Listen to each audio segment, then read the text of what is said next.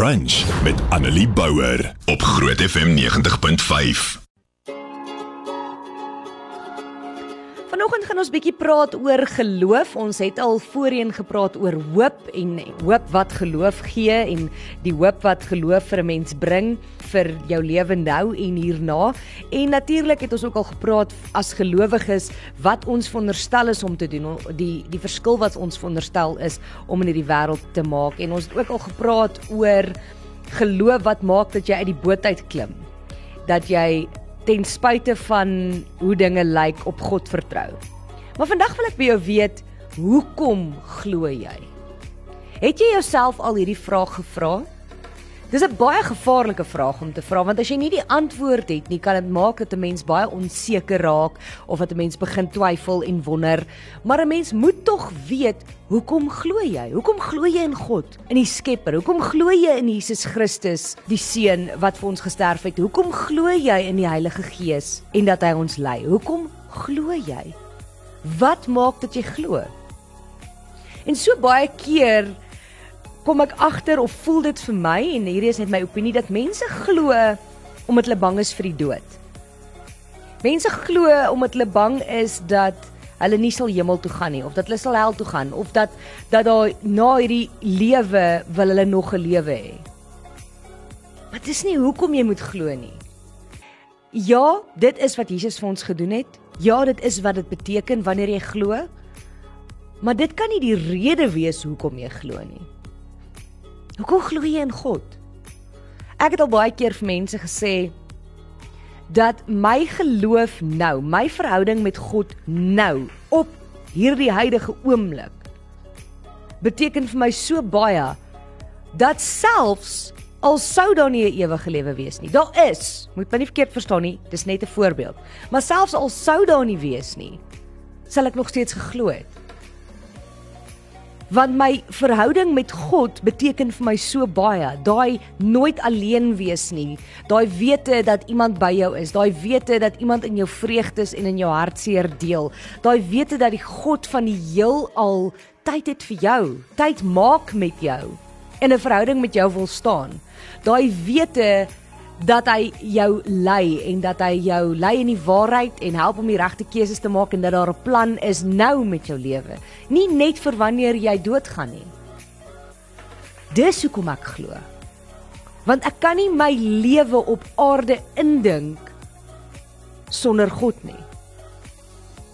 En nou is die vraag, staan jy in 'n verhouding met God wat nou vir jou soveel beteken?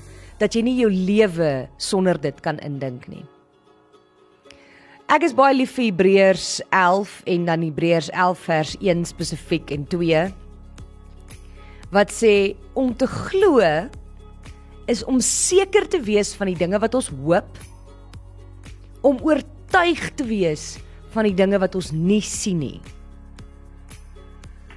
Dink mooi wat beteken dit.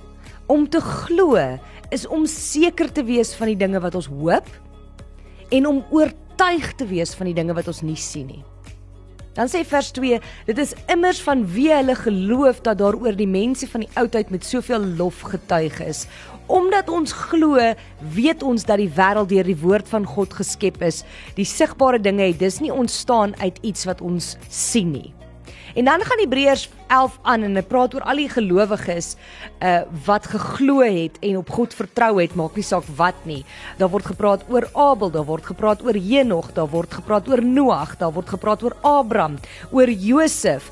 Daar is gepraat oor 'n klomp van hierdie gelowiges. As jy die hele Hebreërs 11 gaan lees, doen dit en en sien wat sê die skrywer hier oor al hierdie gelowiges en dan sluit Hebreërs 11 af met vers 39 wat sê En hoewel daaroor hulle almal van wie hulle geloof met soveel lof getuig is, het hulle nie noodwendig verkry wat beloof is nie, omdat God vir ons iets beters beoog het sodat hulle nie sonder ons die volëinding sou bereik nie.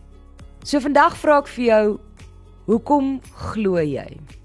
En het jy 'n geloof wat vas staan in jou lewe nou? Het jy 'n geloof waar sonder jy nie nou kan lewe nie? Het jy 'n verhouding met God en met Jesus Christus wat jou lewe bepaal? Het jy geloof wat maak dat dat ander mense in jou lewe God se liefde en genade en vrede kan sien? Maak jy jou hande vuil daar buite? Is jy Jesus se hande en voete? Want sien ware geloof het met die lewe hier en nou te maak, nie met die eendag nie. Daarom het Jesus soveel klem gelê op daadsgodsdiens en word daar in die Bybel ook gesê mense sal aan jou vrugte sien dat jy glo. Ons het al gepraat oor Jesus wat sê ek was honger en naak, ek was in gevangenis, ek het langs jou gebly as jou buurman, jy het my nie eers gegroet nie. En ek was een wat saam met jou in die huis as jou kind gebly het, maar jy het nooit vir my tyd gehad nie. Ek was die een wat soveel keer met jou gepraat het, maar jy het nooit werklik geluister nie en so kan 'n mens nou aangaan. So is ons geloof 'n geloof wat maar net hoop op eendag vorentoe wanneer ek doodgaan? 'n geloof waar ek net myself raak sien om darm gered te word vir daardie eendag vorentoe. Want sien, dit is nie ware geloof nie. Ware geloof daarenteen is geloof wat die angs uit hierdie lewe uithaal. Dis geloof wat glo dat God help ook hier en nou. Is 'n geloof wat hoop op die uitkoms wat God sal gee al word dit nou al gesien nie. Is 'n geloof wat ruimte gee om rustig te dink en te handel en so te handel dat ons godsdiens deur ander gesien kan word. Annelie Bouwer, weekoggend tussen 9 en 12 op Groot FM 90.5.